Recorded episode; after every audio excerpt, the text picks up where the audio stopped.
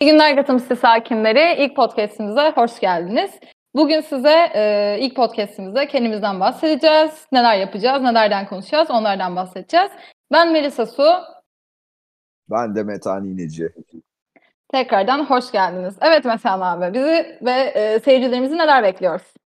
Valla yani çok önemli şeyler bekliyor demek istiyorum öncelikle. Öncelikle Ee, çizgi konuşacağız. Tabii yani bizim kanalımızın ana konusu çizgi roman olacak. Ama bizim bu yayını kaçta yaptığımızda, işte efendime söyleyeyim hangi şartlar altına yaptığımıza göre bence konular değişecektir. Ee, eğlenceli hale de gelecektir diye düşünüyorum. Mesela bugün usturuplu bir saatte konuştuğumuz için neden çizgi roman gibi bir şey yapabiliriz. Ee, başlıkla başlayabiliriz ilk podcast yayınımıza. Bu arada bence şeyi de söyleyelim mi? Yani yeni yeni denediğimiz bir şey olduğu için sürçülisan edersek şimdiden affola olsun bence.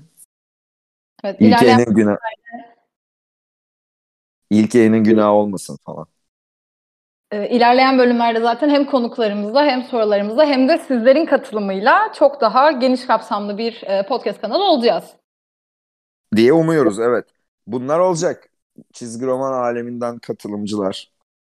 Yani Spider-Man falan değil de mesela Spider-Man'i çizen adamı bir gün burada konuk etme şansımız olabilir. Ona sorular sorabiliriz. Böyle şeyler yapacak gücümüz ve niyetimiz var diyebilir miyiz Sucum? Tabii ki diyebiliriz. Hatta e, Spider-Man okumayı seven sizler de e, bizim konuğumuz olacaksınız. Evet.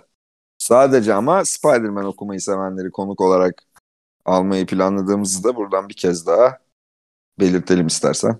Yani Gotham Sadece E, Gotham City dediysek tabii ki Gotham'ı katmayacağız konunun içerisine. yani zaten konuyu bildiklerinden dolayı artık sadece Spider-Man okuyanları ya Batman zaten konuk diye. overrated artık. Bence zamanı geldi Spider-Man'in. Mesela bu da çekici bir konu. Batman'in artık zamanı geldi mi? Batman'in zamanı bitti hatta artık. Oluyor ya mesela işte abi bunların artık zamanı geçti ya falan. Hala bunlara mı bakıyorsunuz falan. Öyle bir şey mi acaba Batman'de? Mesela değil ama işte. Peki mesela Batman- sen de bundan 20 sene sonra çizgi roman dükkanına gidince bizim zamanımızda Batman vardı. Boş işler okuyorsunuz diyecek misin? Ben mi? Evet. Ya mesela atıyorum çocuk orada Astroman 48 falan okuyor değil mi? Öyle bir şey artık. Ben de gidip ona şey diyorum lan bu da kahraman Batman vardı oğlum gecelerin yargıcı diye azarlıyorum yani. Mesela Gibi- çizgi roman artık 3 boyuta geçmiş böyle. İşte millet dijitalden okuyor falan böyle görüntülü falan. Sen diyorsun bizim zamanımızda elle okurduk. Bunlar boş iş diyorsun. Ya büyük ihtimalle demem.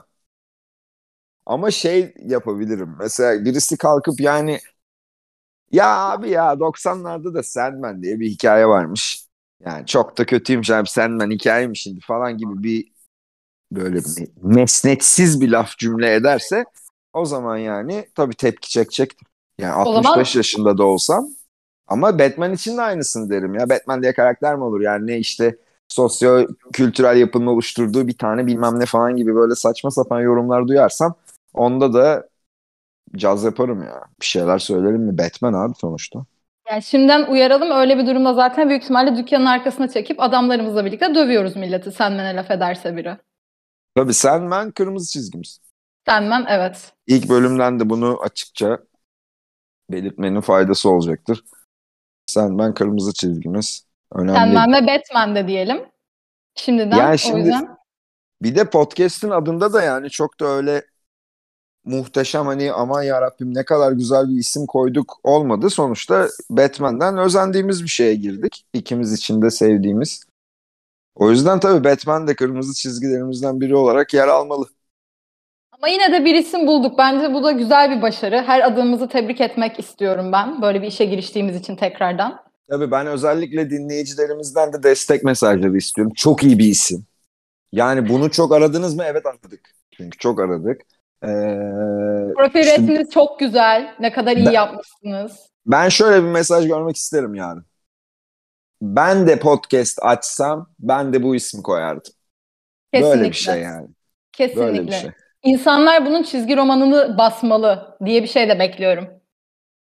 Tabii mesela niye olmasın? Çok önemli bir proje. Gotham Şimdi Central. Dizisi de çıkar, müziği de çıkar. Gotham Central diye sanki çizgi roman vardı ya. Var var da çaktırma şu an. Yokmuş gibi davranıyorum. Peki biz neden çizgi roman konuştuğumuzla ilgili hiçbir şey söylemedik? İnanılmaz ukalaca sanki böyle Türkiye çizgi romanla ilgilenen herkes paralel evren ve PhD Collectors'ı biliyormuş gibi. Ee, böyle bir şeye de girdik ama ya biz bu dükkanlarla ilişkili insanlarız arkadaşlar. O yüzden de yani çizgi romandan anladığımızı düşünüyoruz. Yani biz en azından kendi adımıza. Ee, o yüzden de böyle bir şey yapalım dedik. Yani insanlar da seviyor bizi soruyorlar, istiyorlar böyle şeyler. Ondan girdik yani. Ee, ama burada hiç sah yani sahibi olduğumuz ya da il- ilişik olduğumuz dükkanlarla ilgili hiçbir alakamız olmayacak yani. Su ve metan olarak buradayız. Tamamen kişisel düşüncelerimiz, kişisel fikirlerimiz, zevklerimiz.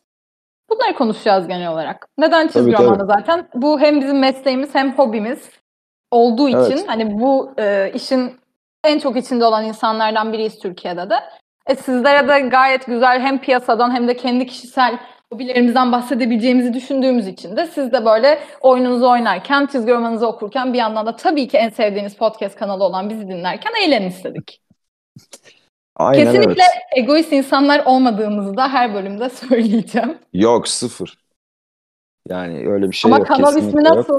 Kanal ismi mükemmel. Kanal ismiyle ilgili kötü yorum mu alacağımızı düşünmüyorum. Kanal ismi Yani- bence çok iyi. Zaten alacak olsaydık daha öncesinde yaptığımız PR çalışması olan Instagram hesabımızda da kesin bir geri dönüş alırdık yani. Bunu mu buldunuz? Sizden bu mu çıktı? Öyle bir şey gelmediğine göre herkes için gayet önemli. Yani kendine böyle işte Avrupa'yı da hissedecek ya bu kanalı dinleyen.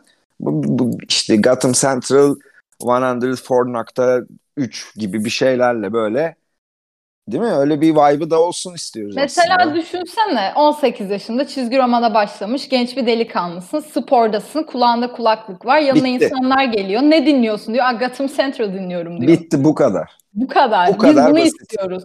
Bu kadar basit. Orada mesela yandaki koşu bandındaki kız gülecek mülecek şimdi böyle sık kıkır kıkır bizim çocuk. Aa, Soracak ne, ne, ne dinliyor bu acaba falan. Ondan hemen Superman tişörtüyle ya bizim çizgi roman işleri canım falan. Ya, olur böyle şeyler olur. Niye olmasın? Zaten olsun diye var bu işler. Stereotyping'e karşıyız abi bir kere her şeyden önce. Yani Kesinlikle. çizgi roman okuyan çocuklara sporda kız yazamaz mı? Yazacak abi. Ne demek yazamaz yani? Böyle bir şeyi bir kere ben kişisel olarak kesinlikle kabul etmediğim gibi böyle bir şeyin varlığına da inanmıyorum yani. Bu kanal ayrıca bunu da gösterecektir. Yeteri kadar üstüne titrersek böyle bir örnekle de karşılaşacağımıza yüzde yüz inanıyorum. İşte bu yüzden çizgi roman. Diyecekler yani. O yüzden hem genç arkadaşlarımızın hem de genç sportif arkadaşlarımızın bir gururu olma yolunda ilerliyoruz bence ismimizle de. Evet ilk ya çizgi roman okuyan çocuklara sporda kız yazsın diye kurulmuş bir kanal olmanın verdiği gururla. Türkiye'de tersi biri ki de. arada.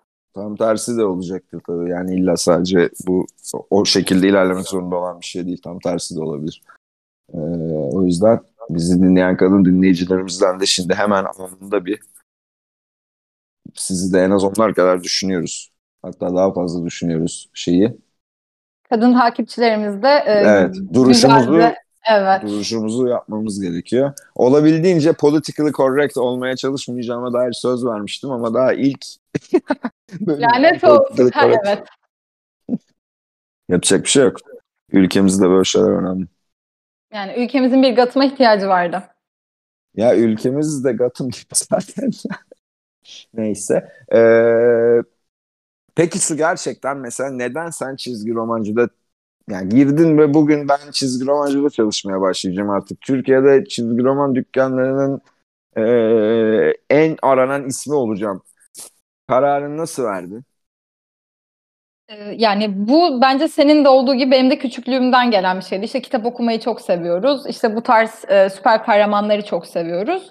Ve Türkiye'de de bu işin böyle çok e, yaygın olmadığının da farkındayız. E dedim ki bu hobimi işe de dönüştürebilirim. Hem kendim de bundan zevk alırım hem de e, kendi bilgi birikimimi ya da sevdiğim şeyleri başkalarına en iyi şekilde nasıl aktarabilirim diye düşündüm.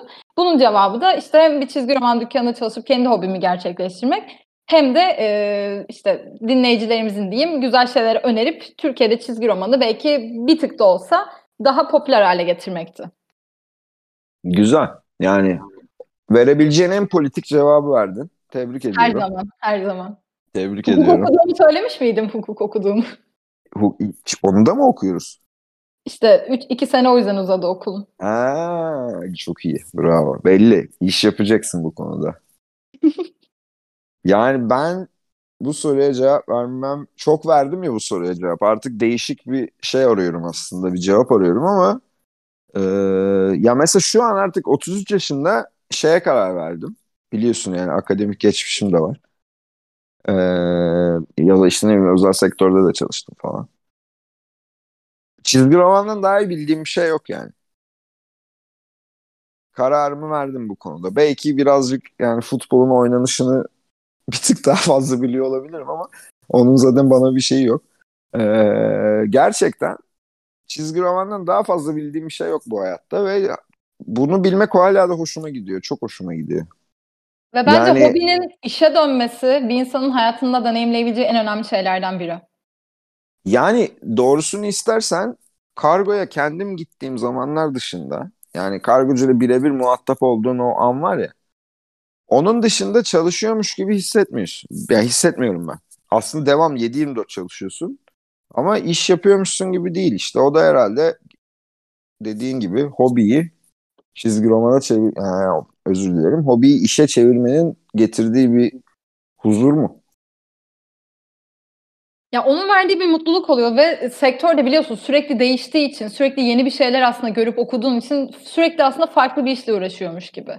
Çünkü bu işin birçok kolu var. Sipariş kolu var, müşteri kolu var, sosyal medyası var. O yüzden sanki bir sürü farklı işle uğraşıyormuşsun havası veriyor sürekli. Ya bir de ne var? Aslında her gün fikir olarak aynı şeyi yapsan da yani satmaya çalıştığın şey hep değişiyor. Hep başka bir şey var üstünde. İçindeki hikaye bambaşka. İşte onu senin önce senin anlaman lazım ki insanlara doğru şekilde satabil. Ee, böyle bakınca yani devamlı dinamik olmak zorundasın. Mesela bu da çok çekici bir tarafı işin. Yani şey yapma şansın yok. Hmm, ya ben bir son 6 ay gelen hiçbir şeye şöyle bir gözümü bile gezdirmeyeyim, bakmayayım, okumayayım yani. Diyemiyorsun çünkü sorulara cevap vermen lazım. İnsanların sana soru sorduğu bir şey. Ee, çizgi roman. Seni dinamik kılıyor. Mesela armut satıyor olsan hep armutu satacaksın yani. En fazla işte sulu mu? İşte iyi mi abi armut? Falan gibi sorular sorulacak. Sana armutun içindeki bileşenlerle ilgili bir şey sorulmuyor çoğu zaman. Ama mesela çizgi romanda öyle değil. Devamlı sana bu soruluyor. Sucum sence bu iyi mi? Su abla sen ne diyorsun alayım mı? Değil mi? Mesela sen çoğu zaman orada samimi bir şekilde ne olduğunu anlatmaya çalışıyorsun. E o ne olduğunu anlatmaya çalışman için de önce okumuş olman lazım. Bu da seni dinamik tutuyor işte. Beklemezsin Halil'in- yani. Çizgi roman dinamik bir iş gibi gelmez ama öyle yani. Karakterler sürekli değişiyor, seriler sürekli değişiyor. E bunun bir de mesela sen daha çok uğraşıyorsun. Exclusive tarafı var. Çizerlerle, işte yazarlarla konuşmak, etmek. Ya aslında tamamen bir sanat dalının da içindeyiz. Bence bu da bizi çok tetikliyor işimizi yapmakta. Aa tabii tabii. Yani evet. Çoğu zaman gerçekten bir sanat kolunda çalışıyormuş gibi hissediyorum ben. Ya çoğu mesela arkadaşlarım benim anlamıyor ne iş yaptığımı. Ya da işin büyüklüğünü anlamakta güçlük çekiyorlar mesela. Öyle durumlarda zaten abi art dealer'ım diyorum. Sanat Çok simsarı. mantıklı. Sanat simsarı gibi bir şey oluyor Türkçesi. O zaman mesela daha iyi anlaşılıyor ne olduğu. Ya İşte insanlarımızın da çok böyle bu tarz collectible tırnak içerisinde işlerle çok alakası olmadığı için Türkiye'de biraz anlaşılması da güç. Zorlayıcı yani bilmeyen insan için ve hakta veriyorum. Ama, Ama işte mesela şu seni çok eğlendirmiyor mu? Hani dedin ya collectibles ürünlerin Türkiye'de çok fazla yaygın hani olmaması ya da insanların anlamaması.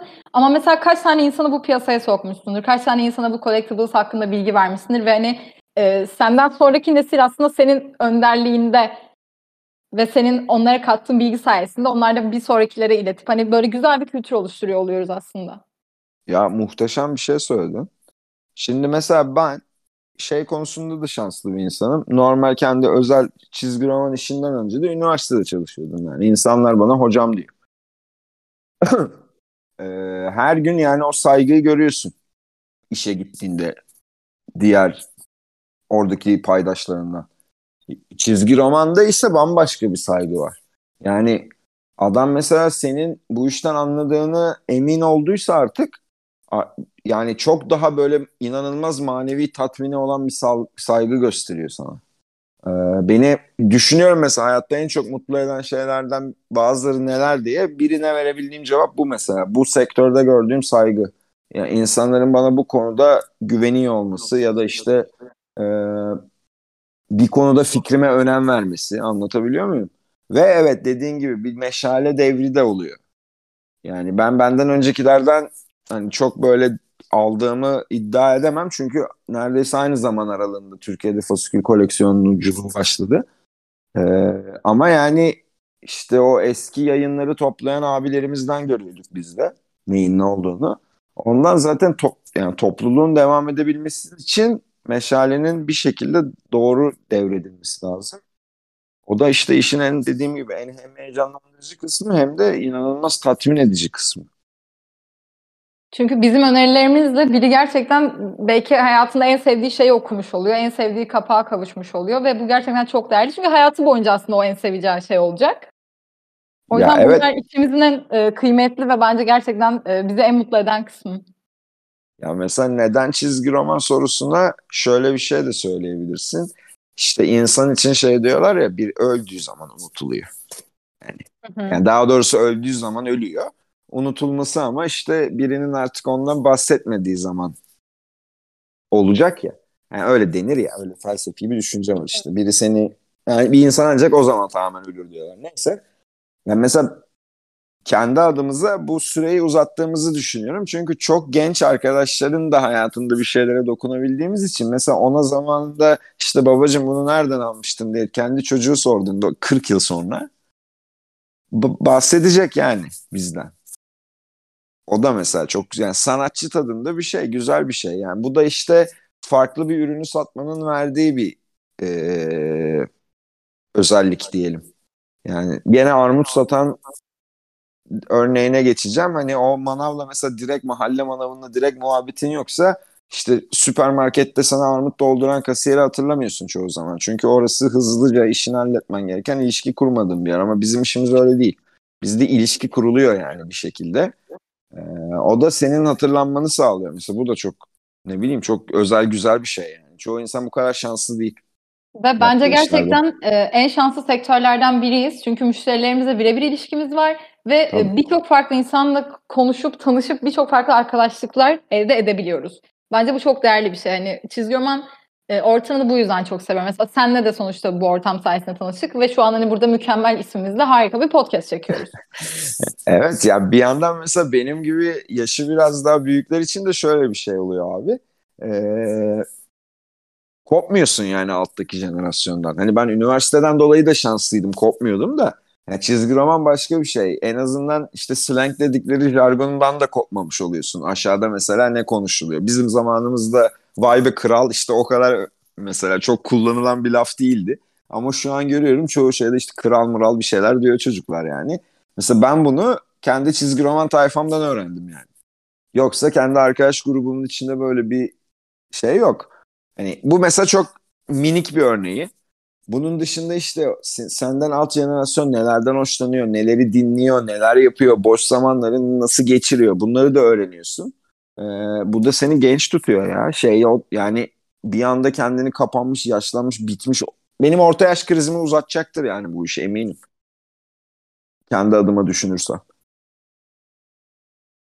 Çünkü çevren gerçekten çok genişliyor. Yani ister istemez bir süre sonra çok kendinden asla konuşacağını düşünmediğin yaşta küçük insanlarla belki çok sıkı muhabbet kurabiliyorsun. Aynı ortamda denk gelemeyeceğin insanlarla. O yüzden hani yeni nesil ne seviyor, yeni insanlar işte yeni kuşak ne okuyor aslında onu da biliyorsun. Çünkü biz bazı şeyleri ya bu çok güzeldi ve hayatımız boyunca hep güzel kalacak diye düşünürken çok genç bir nesil ya bu artık çok kötü hani bizi sarmıyor diyor. Ve belki biz de tekrar okuduğumuzda ya evet aslında günümüz için çok uygun değilmiş deyip aslında okuma açısından da bence bizi geliştiriyor. Ya çok güzel bir şey söyledin. Aynen öyle. Hem o taraftan bir şey öğreniyorsun hem de geriye dönüp bakma şansı sunuyor sana. Mesela bazen öyle şeyler oluyor ki inanılmaz gömüyorsunuz. Ben de mesela şüphe ediyorum kendimden. Ulan acaba bu kadar iyi değil miydi falan diye dönüp bakmam gerekiyor ve yani Tamam %50'si falan diyeyim. %50'sinde falan ilk okuduğum kadar beğenmediğimi hissediyorum yani. Belki bilmiyorum kişisel olarak da bir ön, ön yargı gelişiyordur. Bu kadar çok genç insan beğenmiyorsa demek ki yani bir, şeylik var işin içinde falan diyor muyum acaba kendi kendime diye düşündüm. Yapmıyorum da yani. Ama evet bu yandan da çok etkileyici. Ama biz de mesela özellikle hani benim kuşağım için konuşursak e, hem Türkiye'ye hem de dünyaya belki çizgi romanı sevdiren karakterleri ya da hikayeleri şu an beğenmiyoruz. Çünkü günümüze hiç uygun değil.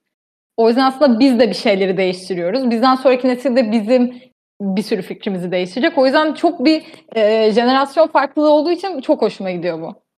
Yani ben açık söyleyeyim mesela 1950 ranlarını okumak beni çok yoruyor yani. Ya bana Ve çoğunu, veriyor. çoğunu okudum. Ama mesela tercih etmiyorum yani. Bir zaman okumak zorunda hissettiğim için okudum yani. Ya şimdi ilk bölümden Conan severleri karşıma alıp bir hater club yaratmak istemiyorum ama Conan'dan örnek verirsem e, özellikle Türkiye açısından e, biliyorsun hani Türkiye'ye ilk gelen çizgi romanlardan ve büyüklerimizin evet. ilk okuduğu, ilk topladığı hani koleksiyon açısından da ilk topladığı eserlerden birisi. Ama mesela bizim jenerasyon için hikaye olarak çok bir şey ifade etmiyor artık. Çünkü biz e, o şekilde büyümedik. İşte o barbar hikayeler, işte korsan hikayeleri. Biz çocukluğumuzdan beri işte X-Men gördük, Spider-Man gördük, daha aksiyon gördük ve teknoloji içinde büyüdük. O yüzden mesela bir adamın telefonsuz 10 gün mağarada yaşaması mesela beni sıkıyor. Yani ben de Conan'ı Mahmut Aslar'la sevdim. Ne yalan söyleyeyim. Ki yani fantastik edebiyatı çok iddialı bir laf etmeyeyim de yani 2015 öncesi fantastik edebiyatı Türkiye'de en iyi bilen insanlardan biri olabilirim. Yani Lord of the Rings sözlüğü gibi çocuğum ben. Ee, bir dönem yani inanılmaz içindeydim. Ortaokulda falan İngilizceyi basılmayan Dragonlance'leri okumak için öğrendim yani öyle söyleyeyim. Ama Conan hiçbir zaman çok da çekici gelmemişti. Ta ki Mahmut abiler e, yeni Conan'ı yapana kadar. Okuduktan sonra da mesela şu an yeni seri gelecek şimdi King Conan. Ona mesela her yani 40 yıllık Conan severden daha heyecanlı olabilirim. Çünkü Jason Aaron da var yine. Ee, işte yani anlatmaya çalıştığım şey galiba şu. Bir şeyi bir zamanda sevmemek başka bir zaman sonra da sevmeyeceğin anlamına gelmiyor. Aslında senin ağız tadına uygun hale getirildiği anda bir anda senin için çok çekici bir şey olmaya başlıyor.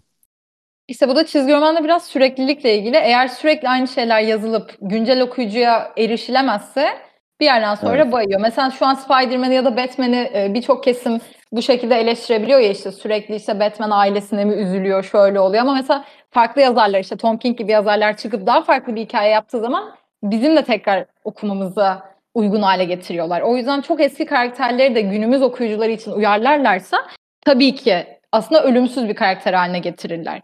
Ama hala aynı tatta yazıp hiç hem modern çizgiye uyum sağlamaz hem de modern yazıma uyum sağlamazsa bence bir süre sonra o karakterin ömrü bitiyor.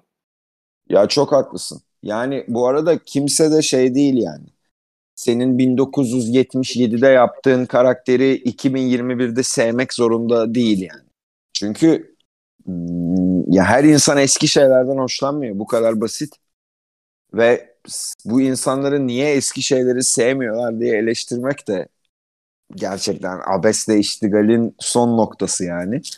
Ee, o yüzden evet abi tamamen dediğin gibi senin elinde iyi bir materyal varsa bunu ve zamanında iyi iş yaptıysa bu günümüzde iyi iş yapmayacağı anlamına gelmiyor. Sen bunu günümüze uyarladığın anda hala neden çizgi roman sorusunu soran insanlara işte bu yüzden dedirtebiliyorsun yani bence.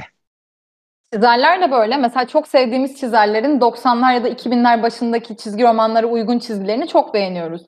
Ama günümüzdeki e, hikaye ve modern çizime ayak uyduramadıysa artık bir süre sonra o çizeri ne kadar seversek sevelim bence bizi okumaktan biraz alıkoyuyor çizerin çizgisi. Ya doğru John Romita Jr.'dan bahsediyorsun herhalde burada üstü kapalı. Ya bir tık evet. aslında Jim Lee'ye örnek vermek istedim. Ha Jim Lee de. Jim Lee yaşlandı mı? Yani bence e, sevdiğim bir çizer ama bence günümüz çizgisine ayak uyduramayan çizerlerden. Ya ben mesela Jim Lee özelinde şöyle düşünüyorum. Jim Lee'nin çok idari işi vardır. Eminim yani. Çok uzun süredir DC'nin de Image'ın da idari kadrolarında bir şeyler yapıyordu zaten. Şu an zaten DC'nin ya president'ı ya vice president'ı çok emin değilim. Ee, inanılmaz idari işi olduğunu eminim. Ya bu da adamın doğal olarak sanatına yansıyordur. Yani Jim Lee zaten bence Amerika'nın era defining dediği insanlardan. Yani önündeki jenerasyonun ne yapacağını tanımlayan insanlardan Jim Lee. O yüzden o böyle demode kalmayacaktır. Yani Jim Lee Jim Lee. Yani Jim Lee'nin tarzı artık Jim Lee yani. Ee, şeyi beklemek de bilmiyorum mesela ne kadar doğru. Bak burada belki seninle ayrılıyor olabiliriz. Ben mesela zaten Jim Lee'nin işte yeni bağımsız tarzı bir çizim yapmasını çok da istemeyebilirim. Çünkü zaten onu belki de yine alttan gelen bilgisiyle kendi yorumunu yapan çizerler yapmalı. Zaten o onların işi olmalı. Hani artık Lee bir, onların da işine ayak uydurmamalı. Ya da ne bileyim onu da yapmaya çalışmamalı gibi geliyor. Ki düşünsene şimdi yeni bir çizer var mesela. Bu işte çok iyi modern çizim tekniği. Jim Lee'nin ayak uyduramadığını varsaydığımız bir teknik. Hı hı. Lee de çiziyor bunu ve %90 o yeni çizerden daha iyi çizecek ya da daha marketable çizecek çünkü tecrübeli. Ee, o da öbür çizerin önünü kapamaz mı? Bilmiyorum belki çok böyle uzak bir bakış açısı ama ee, ben biraz böyle bakıyorum o kısmı. Yani ben de şey açısından düşünüyorum. Günümüzde çizgiler, renkler bir şeyler değişirken birçok çizer yine işte Campbell gibi günümüz çizgisine ayak uydurup daha farklı esinlemeler yaparken e, bazı çizerlerin evet kendi tarzlarını günümüze uygulamamasını ben biraz e, sinirleniyorum diyeyim. Ya evet evet anladım. Ya haklısın aslında işte bir yandan ama bir yandan da ee, şöyle de bir egoistlik ya da narsizm oluyor olabilir. Bu tarz, bu büyüklükteki çizerlerde bilmiyorum. Belki çizer konuk aldığımızda sorarız bunu. Ben niye kendimi değiştiriyorum ya? Gibi bir şey diye belki öyle bile düşünüyor olabilirler yani. Ki işte yeteri kadar iyiysen evet bunun cevabı var bu arada. Alan Moore mesela kendini değiştirmedi yani. Yıllarca. Hı hı. Şu an mesela eskisi kadar iyi mi? Ya da iyi geliyor mu? Bilmiyorum. Yani benim için zaten hani tartışılacak bir yazar değil. Ee, ama belki yeni okuyan bir insan işte adamı Swamp Thing'ini okumadan son böyle 10-12 yılda yaptığı şeyleri falan okusa Alan Moore, Alan Moore bu muymuş ya da diyebilir yani. Evet bak bu dediğim bence çok ilgi çekici bir konu. Bunu bir yazar bölümünde bence konuşalım. Ee, günümüz yazarlarının hani geçmişten aslında hangi eserlerini okuyup günümüzde e, onları eleştirebileceğimize dair bir bölüm bence çok güzel olur. Yani çünkü gerçekten bazen jenerasyonel farklar oluyor. Ee, yani işte o Alan Moore mesela 80'lerin o distopik korkunç böyle bir devamlı bir nükleer savaş olacak. İşte soğuk savaş bitmemiş ne olacak duvar yıkılacak mı Almanya'nın durumu bilmem ne kaotik karanlık Avrupa falan. Bir yandan da herkes inanılmaz partiliyor. Adam onların hepsini çok iyi yansıtıyor mesela. Ama işte 2021'de artık o da yaşlı. Mesela şu an artık veba benzeri bir korkudan sokağa çıkamayan sokağa çıkılmaya izin verdikten sonra da böyle inanılmaz bir patlamayla sokağa çıkan insanların üstündeki psikolojik etkileri yeteri kadar anlatabilir mi? Bence anlatır. Anlatmak ister mi? İşte Onu orada bilmiyorum zaten işte. evet. Aynen.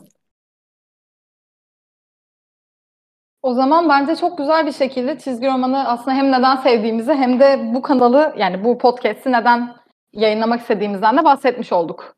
Evet. Hiç yani burada lafı dolandırmanın da anlamı yok. Plansız girdiğimiz ilk bölümde de şimdi geriye dönüp baktığımda hiç de fena olmayan bir e, bölüm çektiğimizi düşünüyoruz. İnşallah ilk bölümle de ilgili kanalın adıyla olduğu gibi muhteşem yorumlar alacağız. Bu arada e, Instagram hesabımızı da açtık. Oradan da ilerleyen bölümlerde sizlere sorular soracağız. Hatta sizleri de dediğim gibi en başta e, podcast'imize konuk alacağız. Tabii bizi takip etmeyi unutmayın. Instagram'da Gotham Central e, nickimizle bizi bulabilirsiniz. Hesabımızda. Ya da işte e, Google'a da Best Instagram Nick yazdığınız zaman zaten en başta çıkıyoruz bence. Tabii. Tabii. Aynen öyle. En başta ilk, ilk beşin içinde çıkacağımıza eminim. Kesin. O zaman, O zaman- hayırlı geceler hepinize. Herkese hayırlı geceler. Bir sonraki bölümde görüşmek üzere. Görüşmek üzere. Umarız seversiniz. Yorum yapmayı unutmayın. Kendinize iyi bakın. Bay bay. Görüşürüz.